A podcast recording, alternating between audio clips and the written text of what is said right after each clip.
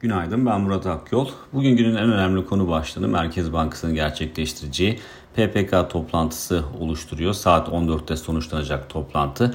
Hazine ve Maliye Bakanlığı görevini rasyonel zemin vurgusu yapan Mehmet Şimşek'in üstlenmesinin ardından hatırlanacağı gibi Merkez Bankası Başkanı olarak da Hafize Gaye Erkan atanmıştı. Bu gelişmelere ek olarak Cumhurbaşkanı Erdoğan geçen hafta yaptığı açıklamada Merkez Bankası'nın atacağı adımları kabullendiklerini belirtmişti. Dolayısıyla şu anda piyasalarda para politikasında kuvvetli adımlar atılabileceğine yönelik bir beklenti söz konusu. Merkez Bankası'nın da bu beklentilere paralel olarak e, ortodoks para politikasına dönüş sinyaliyle enflasyonla mücadelede kararlı olduğunu göstermesi piyasalara güven aşılayabilir ki bu da zaten Türkiye'nin risk priminin daralmasına katkı sağlayan bir unsur olarak muhtemelen çalışacaktır. Bu nedenle hem toplantı kararını hem de toplantı sonrasındaki metinde yayınlanacak e, mesajları kısa vadede TL varlıklar açısından en önemli konu başlıkları olarak görüyoruz. E, piyasa beklentisine baktığımızda ortalama beklenti Merkez Bankası'nın mevcut durumda %8.5 seviyesinde bulunan e, politika faizini %20 seviyesine taşıyacağı yönünde. Ama tabii ki e, beklenti aralığının da burada çok geniş olduğunu unutmamak gerekiyor. En düşük beklenti %15, en yüksek beklenti ise %30 seviyesinde bulunuyor.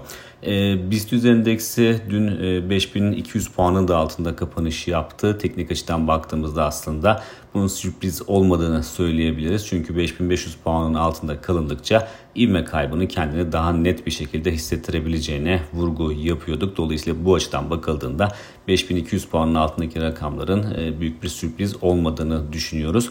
Bugün sergilenecek performansta ise tamamen e, Merkez Bankası'nın e, vereceği kararlar belirleyici olacaktır.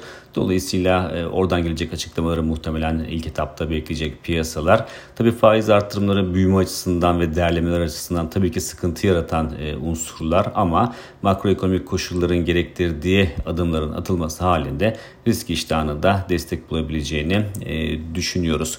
Benzer şekilde TL'de dün aslında son dönemde olduğu gibi son birkaç günde olduğu gibi e, PPK toplantısını beklemeye devam ediyordu ve ılımlı bir görünüm sergileyerek aslında beklemeye devam ettiğini de söyleyebiliriz. E, dolayısıyla orada da Merkez Bankası'nın vereceği kararlar biraz daha belirleyici olacak gibi görünüyor. Yurt dışına döndüğümüzde ise yurt dışında FED Başkanı Powell'ın yarı yıl sunumu vardı dün. E, Temsilciler Meclisi'nde konuştu Powell. E, faizlerin daha da yükselmesi gerektiğine vurgu yaptı. %2'lik enflasyona ulaşmak için bunun gerekli olduğunu e, bir kez daha tekrarladı. Yeni bir mesaj verilmedi aslında. Verilmemiş oldu e, FED tarafından e, dünkü sunumla birlikte.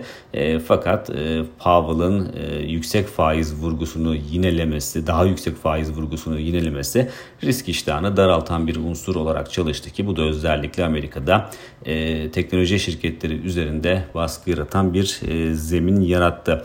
FED Başkanı bugün de Senato'da sunum yapacak. Ancak bugünkü sunum e, tamamen dünkünün bir tekrarı niteliğinde olacağı için onun anlamlı bir piyasa etkisi yaratmasını beklememek gerekir. E, diğer taraftan e, bugün İngiltere Merkez Bankası'nın da toplantısı var. O da saat 14'te sonuçlanacak. Ve İngiltere Merkez Bankası'nın da politika faizinde 25 bas puanlık bir arttırım yapması bekleniyor. E, ülkede dün enflasyon rakamı açıklanmıştı ve %8.7 seviyesinde bulunan yıllık enflasyonun %8.4 seviyesine gerileceği tahmin ediliyordu. Fakat %8.7 seviyesinde kaldı e, enflasyon rakamı yani aslında son e, aylarda olduğu gibi bir kez daha İngiltere'de piyasa beklentisinin üzerinde bir enflasyon rakamı görmüş olduk. Bunun anlamı şu e, faiz arttırımları muhtemelen bugünle sınırlı kalmayacak. Bugünkü arttırımın ardından önümüzdeki aylarda da İngiltere Merkez Bankası'ndan faiz arttırımları geldiğini görmeye devam edeceğiz gibi görünüyor. Bir sonraki podcast'te görüşmek üzere.